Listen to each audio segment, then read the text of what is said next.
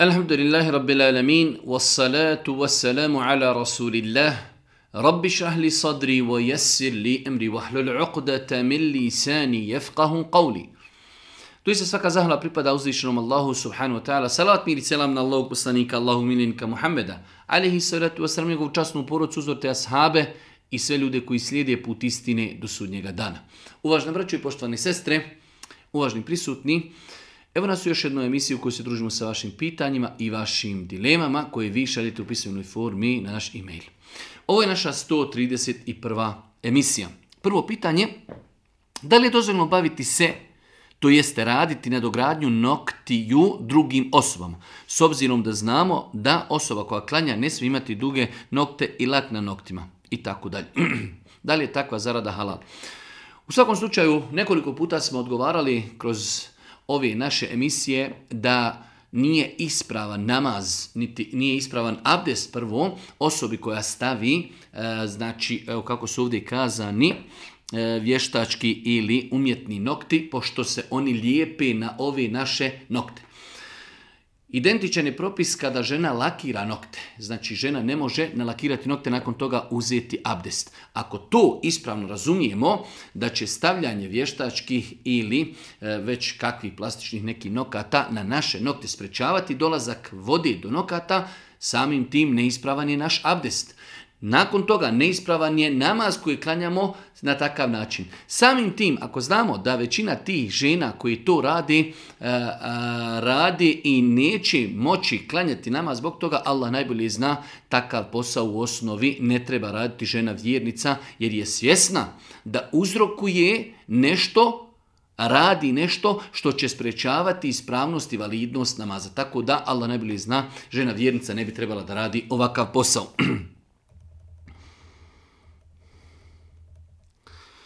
Imam jednu dilemu, da li učinjenje bluda podrazumijeva se samo odnos između dvije osobe, odnosno da li u istu kategoriju spada i ako se dvije osobe nađu nage, jedna pored druge, ali ne prakticiraju intimni odnos. Prijatelj mi govori da te dvije stvari nisu iste i on praktikuje tu stvar iako je vjernik i tako dalje. U svakom slučaju u islamu kada se kaže blud, nemoral, to se misli na intimni kontakt misli se na intimni kontakt između muškarca i žene, e, a da jedno drugom nisu dozvoljni, da to nisu u pitanju e, čovjek i njegova supruga. To je blud i zbog toga je propisana posebna kazna. Dodirivati samo, ljubiti, grliti ženu koju čovjek nije mahrem je grijeh. Zabranjeno, ali se zato ne kaže da je blud. Blud je intimna radnja između dvije osobe koji e, znači e, nisu u braku. E sada kaže, prijatelj mi govori da te dvije stvari nisu iste i on praktikuje. Insan ako želi da uradi određenu stvar, samo neka postavi sebi pitanje da li bi volio da tu istu stvar neko radi sa njegovom majkom, sa njegovom sestrom, sa njegovom čerkom. Znači, ovdje je pitanje kao, nije to blud ako mi ležimo e, goli, nagi sa određenom ženskom osobom ako nemamo intimni kontakt. Dobro, nije to blud, ali je to grijeh, ali to vodi ka bludu. Možda će čovjek jednom, dva put, tri put se suzdržati, peti put će možda počiniti nemoral. I kada bi rekli da neće počiniti nemoral, to je grijeh. S druge strane, da li bi čovjek bio zadovoljan da neko tako isto nag i go leži pored njegove supruge, pored njegove majke, pored njegove sestre, pored njegove čerke, apsolutno to niko ne bi e, znači e, volio, niti bi bio zadovoljan ako mi nismo zadovoljni da to radi neko sa našom majkom, našom sestrom, našom čerkom i mi onda to ne trebamo raditi drugim ljudima.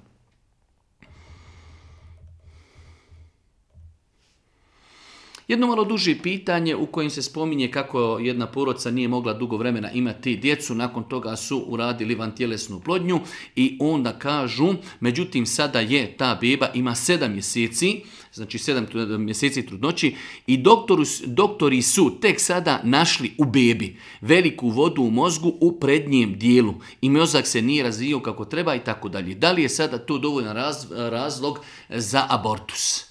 Znači ljudi nisu imali dugo godina djecu.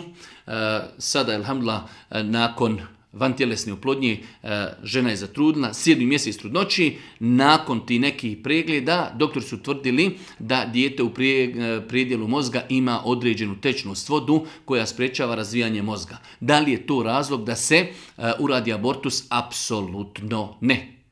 Ne znamo mi niti zna medicina da li će ta voda otići, da li će nestati, da li će se mozak do kraja trudnoći razviti i tako dalje. Znači, konsenzus islamskih učenjaka nakon 120 i dana od trudnoći kada dijete oživi, abortus takvog djeteta je ubijstvo osim u jednoj situaciji kada bi se e, bojali za život majke. Da doktori kažu, ako se nastavi trudnoća, majka će umrijeti. U takvoj situaciji dio učenjaka je dozvolio abortus mimo toga, bez obzira što se može ustanoviti da dijete ima određene e, devijacije, deformacije, da ima neka bolest ili nešto, znači to nije razlog da se to dijete ne rodi. Tako da, znači, dijete u sedmom mjesecu, e, znači, žena u sedmom mjesecu trudnoće ni u kom slučaju ne može abortirati.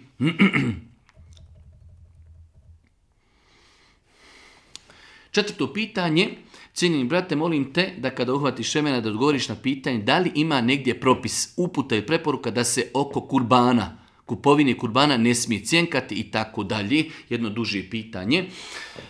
Ne postoji nikakav dokaz na osnovu kojeg bi mogli kazati da je zabranjeno ili pokuđeno cjenkanje prilikom kupovine kurbana. Prenosi se neke predaje od nekih ljudi iz prvih generacija, ali ne može to biti e, dokaz da bi mi ljudima u određenom vremenu i podneblju zabranili znači e, takav način trgovini. Tako da je normalno ako neko kaže moj kurban je 500 i mi kažemo možemo li za 450 ili za 400 pa da, da se jednostavno cjankamo i da nađemo neku zajedničku cijenu i opet ta trgovina će na kraju biti uz stranu znači zadovoljstvo i saglasnost. Tako da ne postoji dokaz koji zabranjuje koji zabranjuje da se čovjek cenka prilikom kupovine kurbana, pogotovo u nekim situacijama kada vidimo da je jednostavno kurban precijenjen. Pa možda neki kurban koji vrijedi 600 ili 400 čovjeka je za njega 800. Normalno da ćemo pokušati e, da to platimo onoliko koliko e, u stvarnosti tržište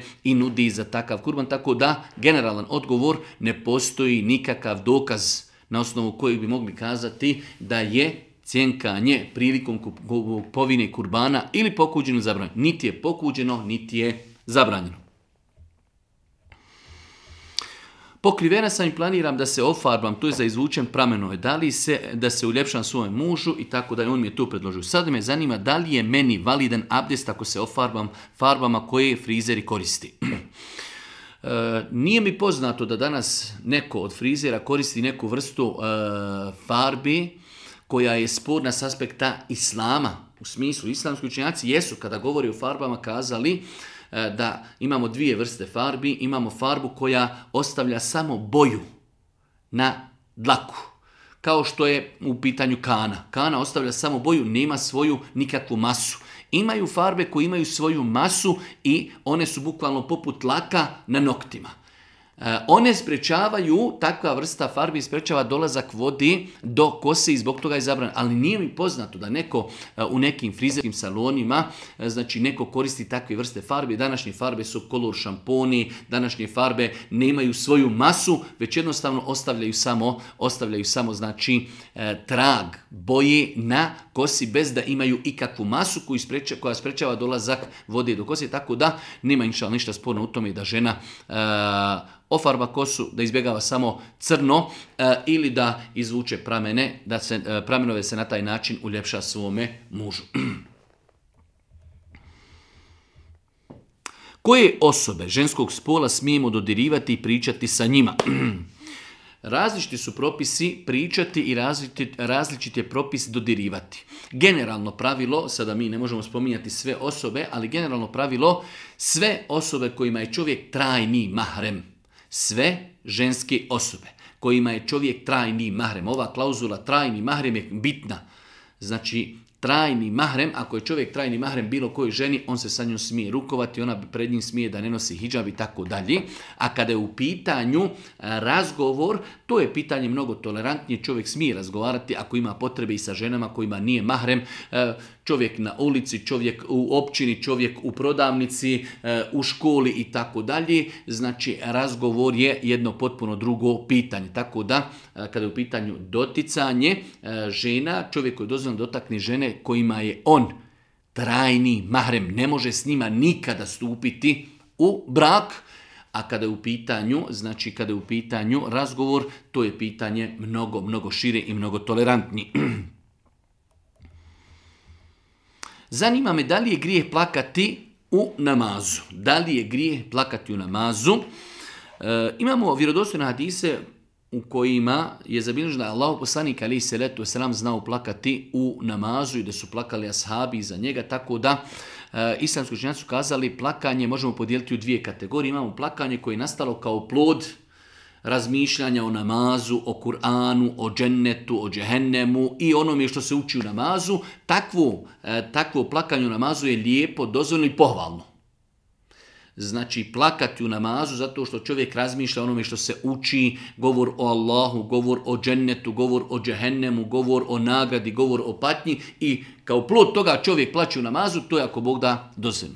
Imamo drugu vrstu plakanja, to je plakanje zbog određenih dunjalučkih pritisaka, iskušenja ili ne daj Bože nekada bolova, jednostavno nekada čovjek ima bolove.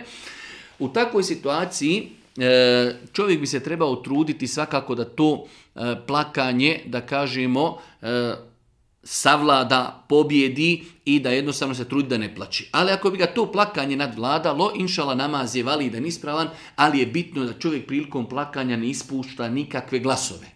Znači da ne jeca, da ne plaće, da ne spominje nikakve riječi, da jednostavno pusti samo da suze e, znači, teku, to ako Bog da ne kvari namaz. Znači imamo dvije vrste plakanja, imamo plakanje iz straha prema Allahu kao razlog razmišljanja onome što učimo i to plakanje je pohvalno i dozvoljeno namazu. Imamo drugu vrstu plakanja koje je nastalo kao plod ili dunjalučkih iskušenja čovjeku namazu, sjeti se kako mu je neko učinio zulum, nepravdu, slagao, potvorio i jednostavno kao plod toga zaplači.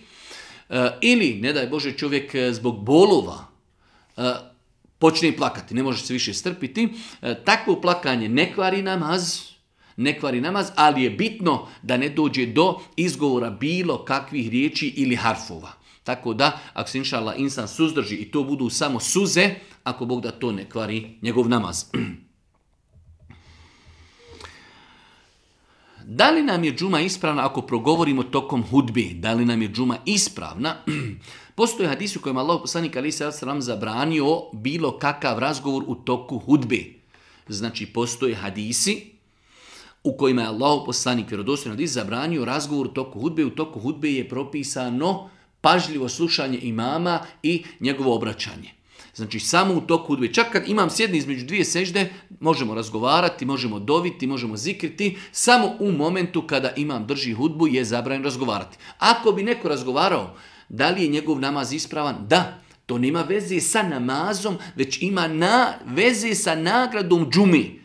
Boži poslanik je rekao ko progovori u toku hudbe, a nije znači e, e, bez ispravnog razloga, kaže, izgubio je nagradu džumi. Pa izgubio nagradu, ali namaz, da li namaz validan? Da li ćemo nekome ko progovori u toku hudbi reći izađi iz džamije, neispravan ti je namaz? Ne, namaz je ispravan, ali je izgubio nagradu. Tako da su to dva odvojena pojma, znači Boži poslanik vjerodostojnim hadisma zabranio je razgovor u toku hudbe, nažalost, nažalost veli broj ljudi e, u toku hudbe razgovara, pogotovo ljudi malo e, znači u poznim godinama, e, zabranjen razgovor u toku hudbe, ali ako bi neko i progovorio, e, to nema nikakve veze sa validnošću njegovog namaza, bitno je u namazu da je pod abdestom, da je pokrio avrete da se okrene prema kibli i tako dalje. On ako ispuni uvjete namaza, njegov namaz je validan, ali je izgubio nagradu džumi.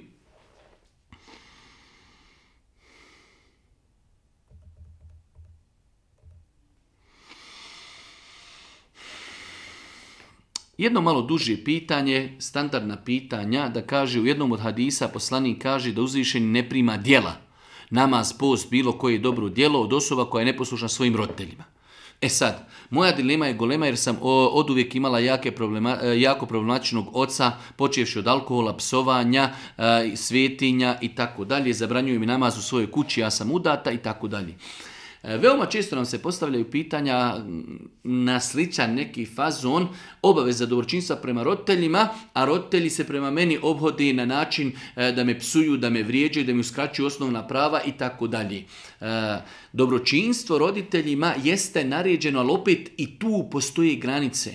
Ne možemo mi činiti dobročinstvo nekome i da nas taj neko psuje, vrijeđa, zabranjuje nam kod njega namaz i tako dalje. Tako da, znači, i dobročinstvo roditeljima ima ima Tako da ćemo se mi u ovakvim slučajevima kad su u pitanju e, neki ljudi e, koji nam osporavaju osnovna naša prava da žena nosi mahramu, da klanja, u redu, čućemo se mobitelom, ću te doću, posjeću pola sata ako vidim e, da, da, da to koristi, tako ću i nastaviti ako vidim da to ne koristi, znači svešću dobročinstvo i sveću kontakt prema svojim roditeljima na neki minimum i završen stvar. Tako da i to dobročinstvo ima granice. Da, jesmo, mi više puta smo spominjali e, i roditelji koji su nevjernici, treba da im činimo dobročinstvo. Treba da im činimo dobročinstvo, ali onog momenta e, ako će to dobročinstvo e, utjecati na nas psihički, fizički, da dođemo kod nekoga, da nas neko vrijeđa, da nas neko psuje, da nam neko psuje džamiju, da nam psuje mahramu, da, nas, da nam neko ne dozvoljava obavljati namaz, šta ćemo mi da dođemo, da sedimo kaže u redu, moram činiti dobročinstvo, ali ne da mi da klanjam namaz. Normalno da ćemo korigovati znači i svesti e, dobročinstvo na neki minimum i na neke načine dobročinstva gdje nećemo e, fizički i psihički trpiti e, negativne plodove tog dobročinstva na sebi. Tako da hadisi koji govore o tome da Allah neće primiti dobra djela onome ko nije pokoran roditeljima nisu vjerodostojni. To je s jedne strane hadisi na tu temu nisu vjerodostojni.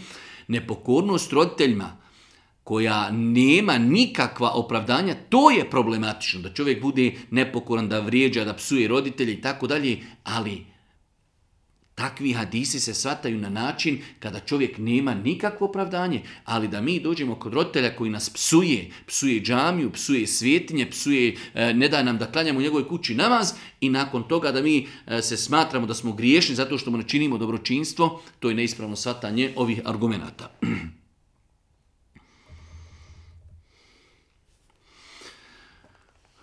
Ispretplitanje i ukrštanje prstiju ruke, je li pokuđeno rati samo za džumu ili je općenito pokuđeno vjerniku da prepliče prste u džamiji mimo džamije. Imamo vjerodostojne hadise da Allah poslanik ali letu wasalam kazao kada neko od vas e, abdesti potpuno i lijepo, zatim kreni prema džami, prema mešćidu, neka ne ispretpliče prste svoje ruke doista je on u namazu. Ovaj hadis bilježi imam eh, Ebu Dawud, šeha Albani za njega kazao da vjerodostojan. Znači, Allah poslanik je kazao u hadisu kada neko od vas uzme abdest i krene prema džamiji da obavi namaz, neka ne isprepličuje prste svoje ruke, doista je on u namazu.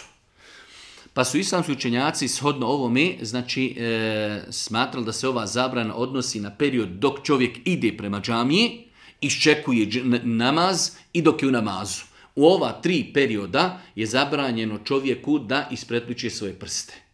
Znači od periodu kada idemo u džamiju, kada sjedimo u džamiji čekamo namaz, dođemo, znači došli smo možda 10-15 minuta prije namaza, iščekivaj namaz i u toku namaza, čovjek dođe u toku namaza i ispretliče svoje prste, sve je to zabranjeno. Imamo vjerodostan hadis kod imama Buhari da je Boži poslani klanjao namaz, nakon namaza je isprepleo svoje prste i otišao i legao je na jedno drvo koje je bilo u džamiji, pa su islamski učenjaci kazali shodno tome da je nakon završetka namaza, makar čovjek bio i u džamiji, dozvoljeno, znači evo ovako ispretplitanje ili ukrštavanje prstiju, ali u periodu dok idemo u džamiju, dok čekamo namaz i dok to je zabranjeno. Znači imamo situacije kada je zabranjeno, imamo hadise koje izbilježuje vam Buharija, da je Boži poslanik nakon namaza znao isprepleti svoje prste, što ukazuje da je to dozvoljeno nakon namaza.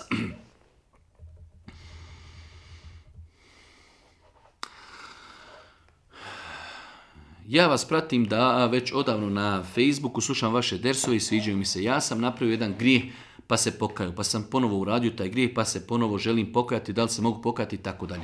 Znači imamo osobe, e, pogotovo kad su u pitanju određeni poroci tipa e, duhan, alkohol, kladionice, onanisanje, e, jednostavno ljudi shvate da griješi, pokaju se, ali jednostavno nakon određenog vremena opet se vrati tom grijehu. Da li takvi ljudi, takve osobe se mogu ponovo pokajati? Apsolutno da.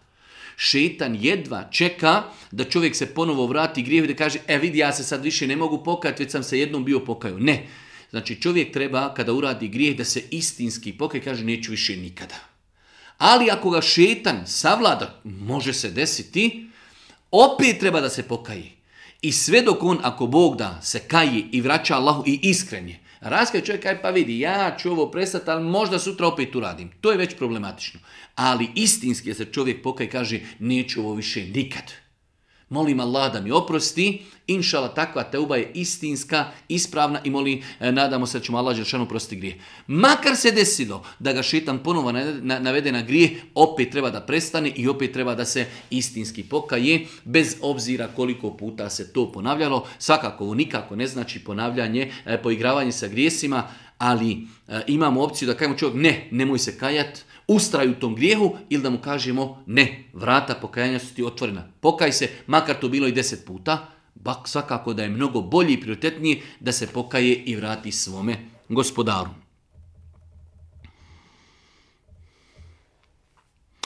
Često pustim učenje Kur'ana na YouTubeu i naglas ponavljam za učačem što radi boljeg izgovora, što volim učiti. Zanima me ispravnost toga jer sam pročitao da kada se uči Kur'an treba šutjeti i slušati. E, da, Allah Žešan u Kur'anu kaže وَإِذَا قُرِيَ الْقُرْآنُ فَاسْتَمِعُوا لَهُ وَأَنْصِتُوا Kada se Kur'an uči, pažljivo slušajte. E, prva stvar, ovdje se misli prvenstveno na učenje Kur'ana u namazu kada se u namazu uči Kur'an, vi pažljivo slušajte. To je prva stvar. Druga stvar, e, ovaj ajet se ne odnosi na osobe koje se podučavaju. Znači ovdje imamo osobu pušta Kur'an da bi se podučila i ponavlja Kur'an kao vid korekcije onoga što je čula, da li može tako ponoviti i tako nahirzati naučići Kur'an. Tako da nema smetnje da osoba koja sluša Kur'an uči za Kur'anom. Pogotovo ako imaju programi gdje čovjek ima e, učač prouči ajet pa pauza tada mi ponovimo za njim, pa on ponovi i tako dalje, ali i da nema ta opcija, znači da imam uči Kur'an, snimak, a mi da ponavljamo za njim u želji da se podučimo, u želji da nahivzamo, jer neki ljudi hivzaju Kur'an, memorišu Kur'an na način da ponavljaju za onim koji uči. Ako Bog da sve su to e, ispravni postupci i ne potpadaju pod onu naredbu e, slušanja Kur'ana koju smo spomenuli malo prije u onom kuranskom ajetu. Imam pitanje u vezi i kameta. U Mektebu sam naučio da se uči kao ezan sa dodatkom kad kameti salatu dva puta. Ali sam vidio par hadisa gdje se spominje e, učenje i kameta, znači e, da se uči neparno. pa šta je u svemu tome ispravno? Generalno, e, Allah poslanik ali salatu preporučuje da kada se ezan uči, da se uči parno, a da se uči i kamet neparno. Ali isto tako nema smetnje znači da se, da se e, i kamet prouči identično ezanu.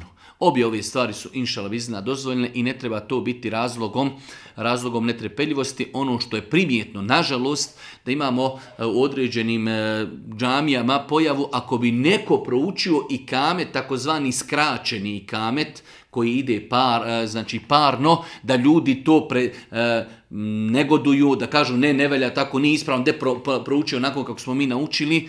E, oboje je ispravno s aspekta islama, s aspekta dokaza, jači su dokazi, znači propisanosti i kameta da se uči neparno. Da se uči Allahu ekber, Allahu ekber dva puta. Allahu ekber, Allahu ekber, šedun la ilaha šedun i tako dalje. Znači da se uči neparno. Ali kažemo ispravne su oba načina i kameta i ne treba to nikako da bude razlog, ne daj Bože svađe ili netrepeljivosti.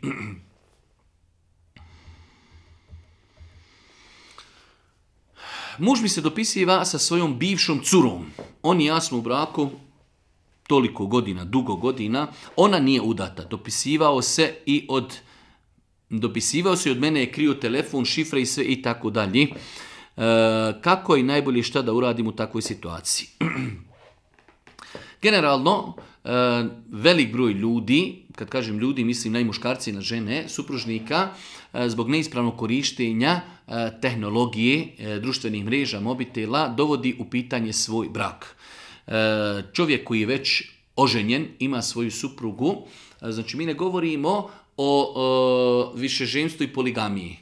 Osoba koja želi da stupi u polgamiju neće dopisivati se sa curom i ašikovati e, i, i, tako dalje. Znači, e, kao što se ženi prvi puta, tako će se ženiti drugi puta, ali dopisivati se sa svojim starim curama, e, ašikovati, razmjenjivati emotivne poruke, sve je to zabranjeno. Tako da šta može u takvoj situaciji jedna žena? Može, jedino što može jeste savjet. Jeste razgovor, jeste dijalog da mu kaže vidi Allah te nagradio, to što radiš je zabranjeno, smeta mi, ljubomorna sam, nisi u pravu, bili volio da sutra imaš zeta koji će tako se odnositi prema našoj čerci, bili volio i tako dalje. To je jedino što u datom momentu žena može urati jeste da posavjetuje na lijep način, da ukaže svom čovjeku da kaže e, ne slažim se, smeta mi, ljubomorna sam, to što radiš je neispravno, haram, zabranjeno i tako dalje. To je ono jedino što može u takvoj situaciji da uradi. Slično pitanje, u smislu o, bračni problemi. U braku sam 17 godina, imam četvoro djeci, elhamdla, ali suprug je te prirode se brzo ljuti. Kad se naljuti, po sedam dana zna biti ljut. I tako dalje. U svakom slučaju, e, znači šta savjetujete ovakvim osobama? E, generalno, u ovakvim slučajevima osoba koja se brzo ljuti, trebala bi ona da postavlja pitanja, a ne neko na kome se manifestuje ta njegova ljutnja. E, mislim da je najveća glupost i greška čovjek bude ljut i onda sedam dana nešto on je ljut na sve članove poroci. Nije svjestan u svemu tome e, da samo e, bespotrebno E, tu negativnu energiju akumulira u svome, u svome tijelu, u svojoj kući. Dobro, ako se naljutio, za 15 minuta prošla ljutnja, idemo dalje. Sedam dana e, e, trpiti ljutnju, E, to, to turisati cijelu porodcu i na kraju opet e, i nakon te ljutnje bilo kakva greškica opet se ljuti opet sedam dana to je azab, to je džehennem na dunjaluku da čovjek se ponaša tako e, nisu to neke greške krupne greške, to su kao što je došlo u pitanju greškice, da čovjek zbog sitnije greškice, znači sedam danja tuhinja, negativnu energiju akumulira na članove porodce, na svoju suprugu to je doista, doista hirman Štarapi kažu, to je, e, to je uskraćivanje uživanja u životu, da čovjek sedam dana tuhinja, da je sedam dana e, nervozan, da sedam dana negativnu energiju akumulira. E, takvi ljudi treba da se bori sa sobom, da shvati da to radi iz inata. Sedam dana, čovjek bez obzira koliko se nutio za sat, za sat vremena treba da je se odljutio. Ali nakon ti sat vremena to je samo inat. To je samo znači ugađanje šeitanu. Allah poslanik je spomenuo da je e, znači blisu najdraži e, šetan onaj koji e, zavodi i, i zavadi supružnike. Sedam dana se ljuti zbog neke sitnici. To je pokazatelj da insan znači je pun inata, nezreo, ne želi da se popravlja, ne želi da primi savjet, ne želi da prihvati kritiku i opet šta možemo takvoj sestri kazati? Takvoj sestri kazati e, savjetuj, E, razgovaraj, vodi dijalog, pokušaj dokazati da od toga nema nikakve koristi i na kraju krajeva e, ignorisati to njegovo takvo ponašanje. Sedam dana si zbog sitnici, e, znači ljut, ma šta ću ti ja, ljuti se koliko hoćeš, znači u redu ako je greška, hajmo rješavati probleme, ali sedam dana se ljutiti zbog neke sitne greškice i opet pogriješi malu grešicu, opet sedam dana si ljut, takvo ponašanje ne doliči vjerniku, ne doliči insanu, to će e, znači uzrokovati na duži staze sigurno i prezir i mržnju i nedostatak harmonije u braku, na kraju krajeva znači e, ko od toga ima koristi. Zato to treba i ignorisati.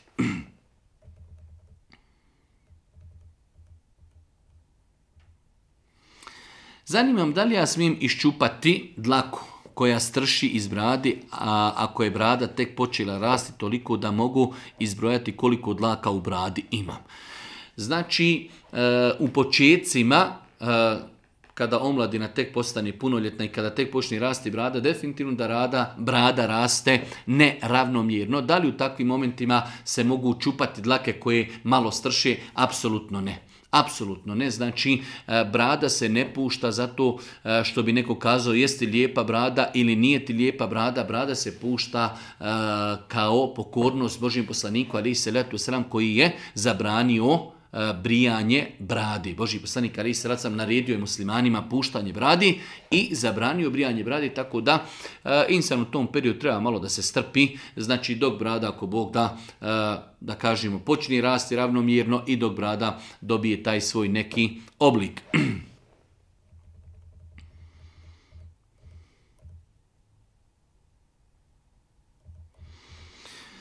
Imam problem se ustajam na saba. Imam nije da ustanem. Navijem dva telefona da mi zvoni i prije spavanja dovim Allah da mi je lakša. Ali nikako da čujem telefone da zvoni. Tek kada ustanem ujutro u pet na posao, odmah klanjam saba pa nastavim dalje. Da li je moj sabah ispravan jer mi se to dešava pet dana za redom. Živim u Švesu gdje je jacija kasno, a sabah je rano. E, znači imamo situaciju da čovjek ustaje u 5 sati, već je tada prošao sabah, pokušava da ustane na sabah, ne može da ustane e, i da li je takav sabah ispravan. S jedne strane, e, čovjek vjernik treba da se potrudi da ustane na namaz. Meni lično nije logično da mogu ustati na sabah, a ne mogu, ne mogu ustati na posao, a ne mogu ustati na sabah. Kao što sam u podsvijesti svjestan da moram na posao i da ću dobiti otkaz, i svaki dan ustanem u pet i svaki dan ne mogu ustati na saba, Tu postoji problem. Tu postoji problem. Čovjek treba, znači, kad su u pitanju e, takvi momenti, da legni na vrijeme, da poduzme se, da nekoga zaduži, da ga dođe probuditi. Isto tako, e, ako je već kasno jacija, pa je period od akšama do, od jacije do sabaha kratak, treba čovjek onda da odspava i prije jacije ili da se odspava u toku dana ako je čovjek došao kući u četiri sata odspavat će, e, hajde kažemo, dva ili tri sata do akšama, da se jednostavno malo jača, pa će čekati jaciju, pa će od jacije spavati do saba, ustati na saba i onda na posao. Tako da, insan koji je poduzeo sve, pa prespavao, nije griješan. Ali je pitanje koliko smo mi poduzeli. Meni samo nije jasno kako svaki dan možemo otići na posao i nikad ne prespavamo, a svaki dan prespavamo saba. Nešto se ne uklapa da čovjek kaže prespavao sam saba i spavao do podni, nisam otišao na posao, ja bi to prihvatio kao činjenicu. Ali ne mogu ustati na saba, a mogu ustati na posao, to ne prihvatam. Tako da čovjek treba da se potrudi, da se boji Allaha, e, da u toku dana kada dođe s posla da odspava i na taj način će ako Bog da odmoriti svoje tijelo tako da će mu biti e, nakon jacije dovoljno 2-3 sata da odspava i moći će ako Bog da ustajati na saba. Da li se abdest ne važi ako ženu vidi drugi muškarac bez hijjaba? E, da li znači žena gubi abdest ako je vidi neko bez hijjaba? Ne gubi.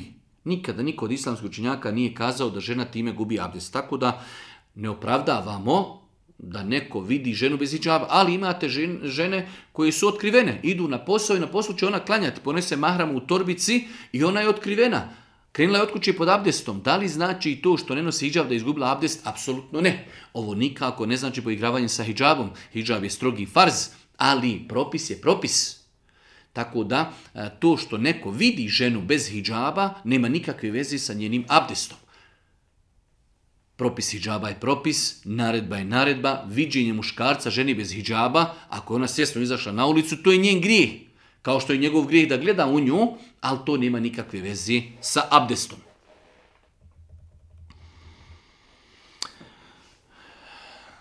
Ako bi uplatio da se kurban zakolje, primjer radi u Glamoću, a ja sam u Sarajevu i ne bih tu prisustvao, e, niti bi do mene došao, došlo išta od mesa kurbanskog, već bi se sve podijelilo povratnicima bošnjacima, da li je to u redu. Jeste, u redu je, ono jeste lijepo i pohvalno ako čovjek može da ostavi sebi dio kurbana, da proba, ako, išta, ne, ako ikako može taj neko komu to realizira, da mu pošalje, kad mogli da mu pošalje kilu dvije da pojede, ali nije to obaveza. E, zbog toga smo i kazali da ljudi koji žele da realiziraju, neko živi u Francuskoj, neko u Njemačkoj, neko u Holandiji, želi da se njegov kurban zakolje u Makedoniji, u Albaniji, na Kosovu, u Bosni i da se meso tog kurbana podijeli ljudima koji su potrebni sve to ako Bog da ispravno, kao što je ispravno ako se radi u povjerljivim osobama, da se taj kurban zakolje negdje u Africi, isto tako je dozvano čovjek živi u Sarajevu, a njegovi žive, ne znam, u Glamoću, žive ovdje, žive ondje, da oni zakolje kurban i podijelu, podijeli to povratnicima bez da on išta proba od kurbana. E, iako kažem lijepo je i pohvalno ako čovjek može dio kurbana svoga da proba, ali to nije obaveza. 20. pitanje, koliki je grijeh ili haram nagovarati nekoga na blud? Momak ima djevojku, ona neće blud, pa je on nagovara na blud. Koliki je to grijeh? Allah on kaže وَتَعَوَنُوا عَلَى الْبِرِّ وَتَقْوَا وَلَا تَعَوَنُوا Potpomažite se na dobročinstvu, potpomažite se u dobru, nemojte se potpomagati u grijesima. Zabranjeno. Znači, e, neko ne želi blud i mi ga na to nagovaramo. Je li to grijeh? Apsolutno grijeh. Kao što imamo nagradu kada nekoga pozovemo u namaz, pa on klanja, isto tako da mi nekog nagovaramo u, e, u grijeh, ako on i uradi taj grijeh, i mi ćemo imati odgovornost zbog tog grijeha. Tako da, znajući da je blud veliki grijeh, nekoga nagovarati u veliki grijeh, šta može biti osim, šta može biti osim grijeh. Tako da, Eh, insan se uvijek treba postaviti eh, u tu situaciju, znači eh, s drugog jednog aspekta, da li bi mi volili da neko nas pozove u neki grijeh, da neko naše dijete pozove u grijeh, da neko našu čerku pozove u grijeh. Da li bi mi tu osobu volili koja je naše dijete naučila na drogu, koja je i tako dalje.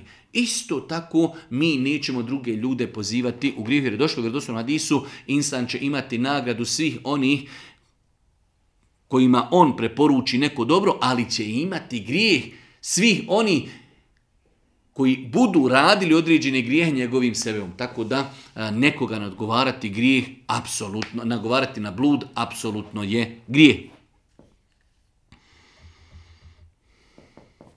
Naime, moja čirka ide u medresu i trebaju da idu na izlet, inšala, sa ostalim e, odjeljenjima u školi. Predviđeno je da se ide u druge gradove Bosne, inšala i tako dalje. Pitanje da li je to ispravno. E, ako se radi o putovanjima koja su dalja od 80 km, e, prva stvar, organizator ne bi trebao da tako nešto organizira, ali ako je već organizirano putovanje za žene, djevojke koji su punoljetne, koje dalje od 80 km ne bi trebalo davati djeci saglasnost kao roditelj i sama djeca bi trebala da shvati e, i da to nauči u školama da nije ispravno putovati. Znači čak učenjaci e, vode polemiku da li je dozvoljeno ženi da ide na hađ, hađ peti temelj islama ako nema mahrema ali mi smo toliko popustili u tim pitanjima da je sad došlo i u vjerskim školama i dresama da putujemo bez mahrema obilazeći Bosnu. Znači uvijek sam stava da za sve što hoćemo, ako imamo problem, ako želimo možemo napraviti e, preven, e, možemo napraviti alternativu, možemo ponuti alternativu, da li mi to želimo ili nećemo, prva stvar možemo putovati u nekim okruženjima koja e, nisu u granicama, znači spornog, s druge strane mi, ako smo svome djetetu nešto uskratili, onda mu to mi trebamo nadomjestiti kazati u redu, nećeš tu, ali mi ćemo poročno otići eh, i ovdje i ćemo ovu, otićemo na tu istu lokaciju, ali ćeš otići na dozvoljen halal način sa svojom porucom, sa svojim mahremom i tako dalje. Tako da eh, ne treba davati saglasnost djeci da idu na ekskurzije koje su dalje, znači od 80 kilometara.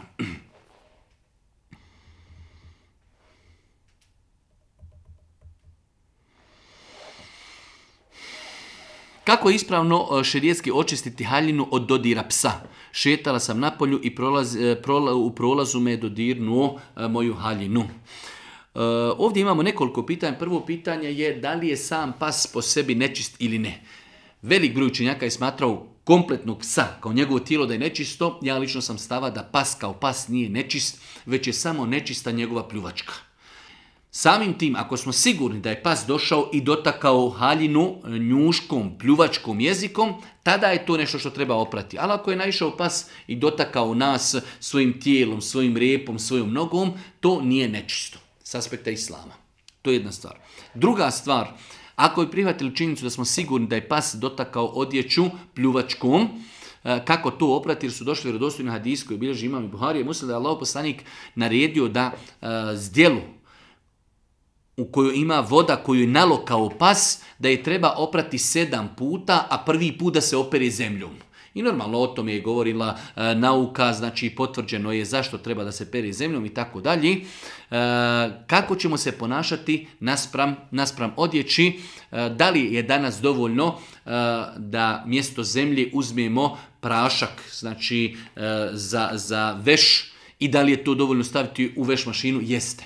U mašini će se veš oprati ne 7 puta, će se 77 puta.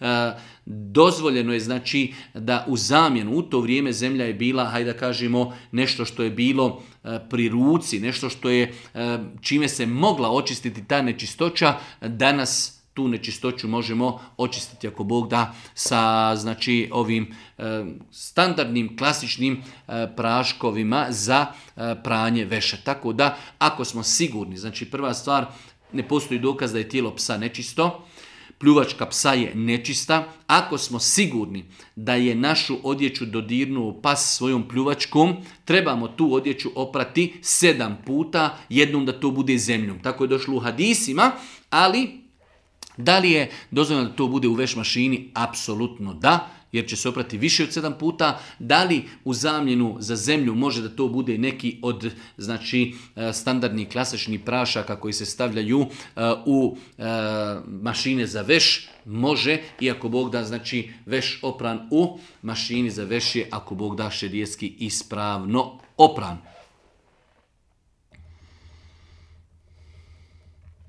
Upoznala sam jednog momka i dok nisam saznala da postoji mogućnost da smo rod, trebala sam se udati za njega. Da pojasnim situaciju, moj djed sa mamine strani i njegova majka Nana, Nana sa mamine strani su brat i sestra. Znači imamo e, djevojku, imamo momka, njihovi djedovi Znači imamo njihovi očevi, pa njihovi djedovi su brat i sestra, a onda tek gore dolazi roditelji njihovi. Tako da pitanje je da li ovakve osobe imaju pravo širijski da stupe u brak? Apsolutno da s aspekta islama, da li ovakve osobe imaju pravo da stupe eh, eh, u širijetski brat? Apsolutno da. Da li će oni to uraditi, da li neće, to je opet neko drugo pitanje. U našem podneblju, eh, znači ljudi su vjerenja da bilo kakva rodbina, da je to najteži haram, da se stupi u brak, što nije tačno. I dokazi Kur'ana i sunneta i praksa Božih poslanika, ali sad sam potvrđuje da imamo znači krug žena oko čovjeka s kojima je zabranjeno stupati u brak, nakon toga da je to dozvoljno.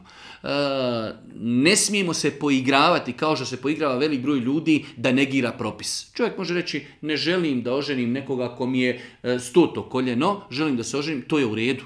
Ali negirati propis i smatrati sebe boljim muslimanom eh, od nekoga tamo ko ne, ne smatra isto kao ti, to može biti pravo sporno. To može biti pravo sporno da se čovjek poigrava sa negiranjem propisa. Nažalost, veli broj ljudi kod nas u Bosni možda ne klanja, ne posti, ne nosi hijab, pa možda i psuje i svetinje, ali kad je u pitanju ženitba, rodbina, tu nema nikakve, tu nema nikakve e, priče ni kompromisa, što apsolutno islamu nije tačno. Moja majka ima, boluje od Alzahmerove bolesti. Alzahmerove bolesti e, često je uznemirana, jako nervoza i tako dalje. Pitanje mogu li ja kao njena čirka da joj učim rukju? Apsolutno da. Znači, e, čak ovo je najprioritetnija stvar koja treba da se uradi.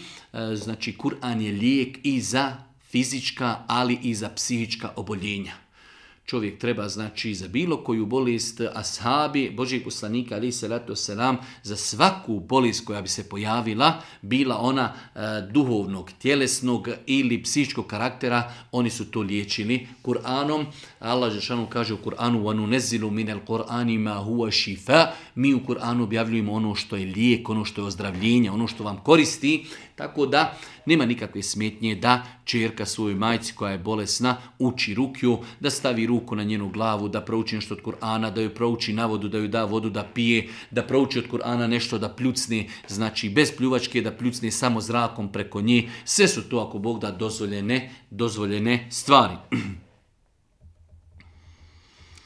Imam pitanje u vezi eutanazije pasa. Naime, imam dva psa koji su već stari i bolesni. Nemam više vremena ni sredstava da vodim brigu o njima i tako dalje. E, da li je u takvom slučaju dozvoljeno uraditi eutanaziju? Islamski učenjaci, e, znači dio učenjaka je smatrao da je to zabranjeno, ali Allah najbolje zna ispravno je mišljenje onog dijela učenjaka koji su smatrali da je dozvoljena eutanazija životinja ako su ostarile, ako su bolesne, ako nas troškovi njihovog liječenja mnogo koštaju, mi to više ne možemo izdržati i jednostavno i sam nastavak života za takve životinje bi bio bolan i težak i e, jednostavno ne postiže se nikakva korist od toga.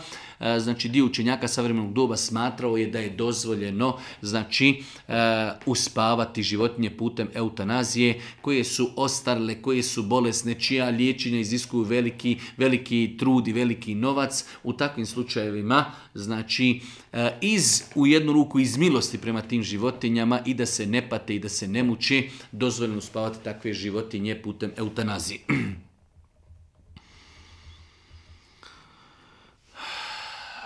Zanima me da li treba napostiti propušteni Ramazane koji nisam postala jer nisam bila religiozna i tako dalje. Sad sam počela redovno postiti, kraniti i tako dalje. U svakom slučaju, Islam u pogledu namaza i, i, i posta u datom momentu pravi određene razlike.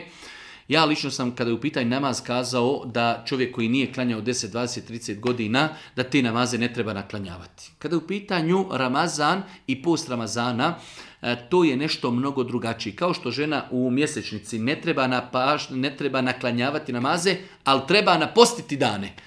Pa je Islam napravio razliku između posta i namaza tako da sam stava da osoba koja zna koliko Ramazana nije postila od svoga punoljetstva, da bi lagano sebi stavila u neku obavezu oko Bog da znači, e, da kažemo godišnje 30, 40, 50 dana, nije to ništa naporno sedmično kada je postili dan ili dva, mi ćemo za godinu dana ispostiti 100 dana, to je već tri Ramazana i tako dalje, tako da e, E, iako je bio dio učenjaka od kojih šeju Semi i alihi e, koji su kazali ako je Ramazan prošao, insan nije postio, treba da se pokaji, ne treba da naklanja, ne treba da napašta, ali u svakom slučaju uzmejući obzir e, da je džumhur, većina islamskih učenjaka smatrala da osoba koja nije postila treba da to naposti. S druge strane uzmejući obzir da je šerijat, islam napravio razliku u pogledu posta i namaza e, smatram da osoba koja se pokajala treba da naposti dane koje nije postila.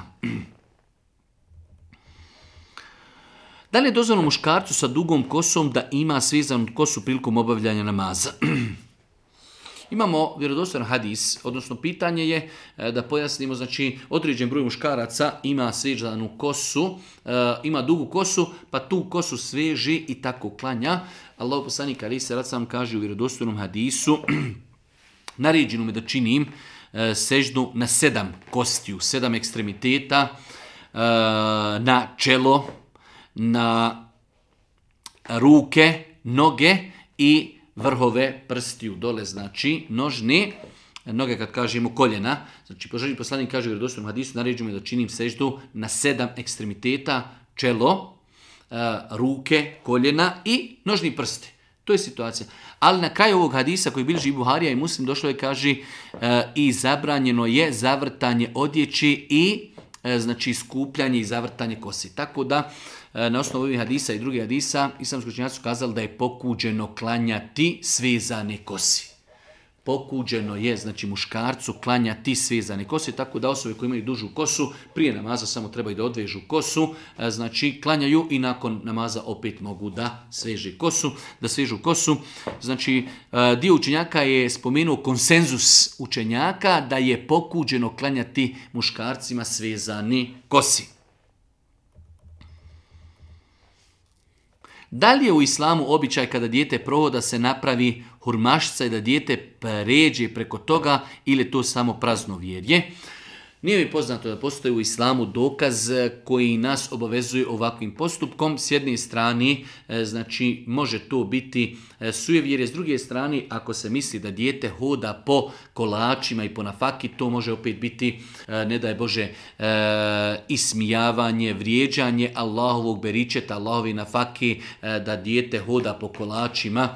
Znači svi smo mi od malena eh, odgojeni da pazimo na mrve, da pazimo na hranu, da se eh, gleda gdje će se ostaviti ostatak hrane, tako da eh, s dva aspekta, znači ako to ima određena uvjerenja, onda je to sujevjerje i zabrajno, ali s druge strane da dijete hoda po blagoda, da hoda po hrani, da hoda po njemetu, svakako da to treba izbjegavati, nema to nikakve veze sa islamom niti dokazima vjeri.